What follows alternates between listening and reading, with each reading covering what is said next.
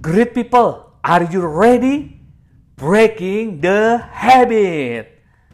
Mengubah kebiasaan buruk menjadi kebiasaan baik, kebiasaan produktif, kebiasaan yang positif.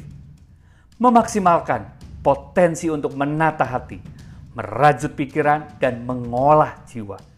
Mensinkronkan antara ucapan dan tindakan. Sehingga terbentuk jiwa yang tenang, ikhlas, sabar, peduli, dan rendah hati.